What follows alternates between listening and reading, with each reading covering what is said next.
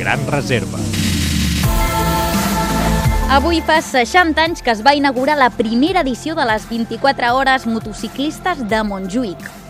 Joan Soler Voltó i Josep Maria Llobet van ser els millors dels 45 equips que van disputar la cursa per la muntanya de Barcelona. Pilotant una Montesa, els catalans van fer 511 voltes al circuit que agafaria gran prestigi internacional i seria puntuable per la Copa d'Europa i per al Campionat del Món de Resistència. El circuit de Montjuïc es va disputar durant 31 anys. Els grans avenços mecànics permetien que les motocicletes assolissin grans velocitats i comprometien seriosament la seguretat dels participants i del públic. Després de la tràgica mort del pilot català Mingo Parés, es va cancel·lar el circuit i Barcelona tornava a perdre un esdeveniment esportiu de primer ordre, després d'haver perdut el Gran Premi d'Automobilisme i el de motos.